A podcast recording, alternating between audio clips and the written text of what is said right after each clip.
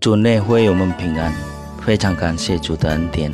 我们今天能再度参与读经运动反思。读经运动反思之前，请阅读本日读经运动的经文和请阅读本日读经运动的短诗。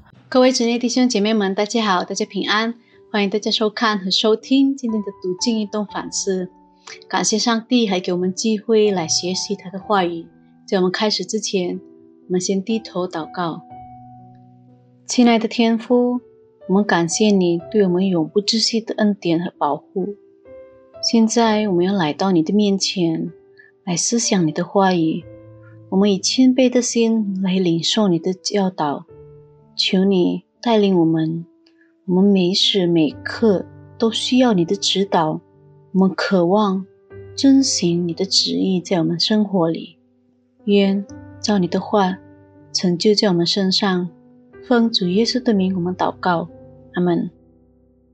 我们今天的题目是“半心半意”，来自历代之下第二十五章。我先为大家念几节今天的经文：历代之下第二十五章第一节，亚玛谢登基的时候年二十五岁，在耶路撒冷做王二十九年。亚玛谢行耶和华眼中看为正的事，只是心不专诚。第六节，又用银子一百塔连德，从以色列招募了十万大能的勇士。有位圣人来见亚玛谢，对他说：“王啊，不要使以色列的军兵与你同去，因为耶和华不与以色列人。”以法莲的后裔同在。你若一定要去，就奋勇征战吧。但神必使你败在敌人面前，因为神能助人得胜，也能使人钦败。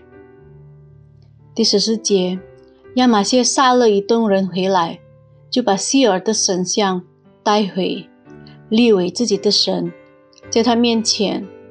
叩拜烧香，因此耶和华的怒气向亚玛谢发作。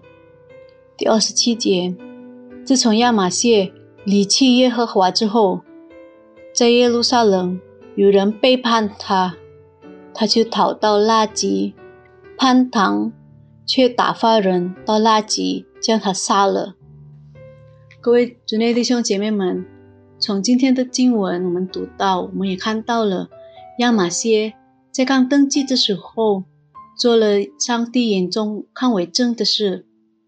只可惜他的心不专诚，这是亚马逊一生非常遗憾的事情，因为他半心半意的跟随上帝，结果他根本就没有跟随上帝而活。半信半疑的信心和先生，在上帝面前，最终被视为毫无意义。我们需要坚定的委身和决心来侍奉上帝，因为我们生命的路程并不容易。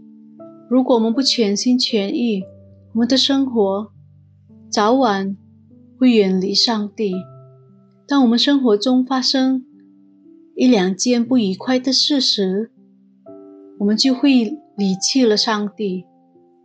本日阅读经文里记载了亚玛谢顺从而违反了上帝的命令，他的服从体现在他没有杀死之前杀他父王的臣仆的孩子。他这么做是遵行了律法，不可因子杀父，也不可因父杀子，反被杀的。作为本身的罪，《神明记》第二十四章十六节如此记载了。他也听从了先知的劝诫，就是吩咐他不要从以色列雇佣十万勇士，因为耶和华不与以色列国的人民同在。如果以色列的勇士加入犹大军队，上帝就会在敌人面前。祭拜亚马谢，亚马谢顺服了上帝，就让他得胜了。但在战胜了希尔人之后，他却表现出不顺服上帝的另一面。他带回希尔人的神像，敬拜他，在他面前叩拜烧香。当上帝派一位先知劝解亚马谢时，他便威胁了那先知。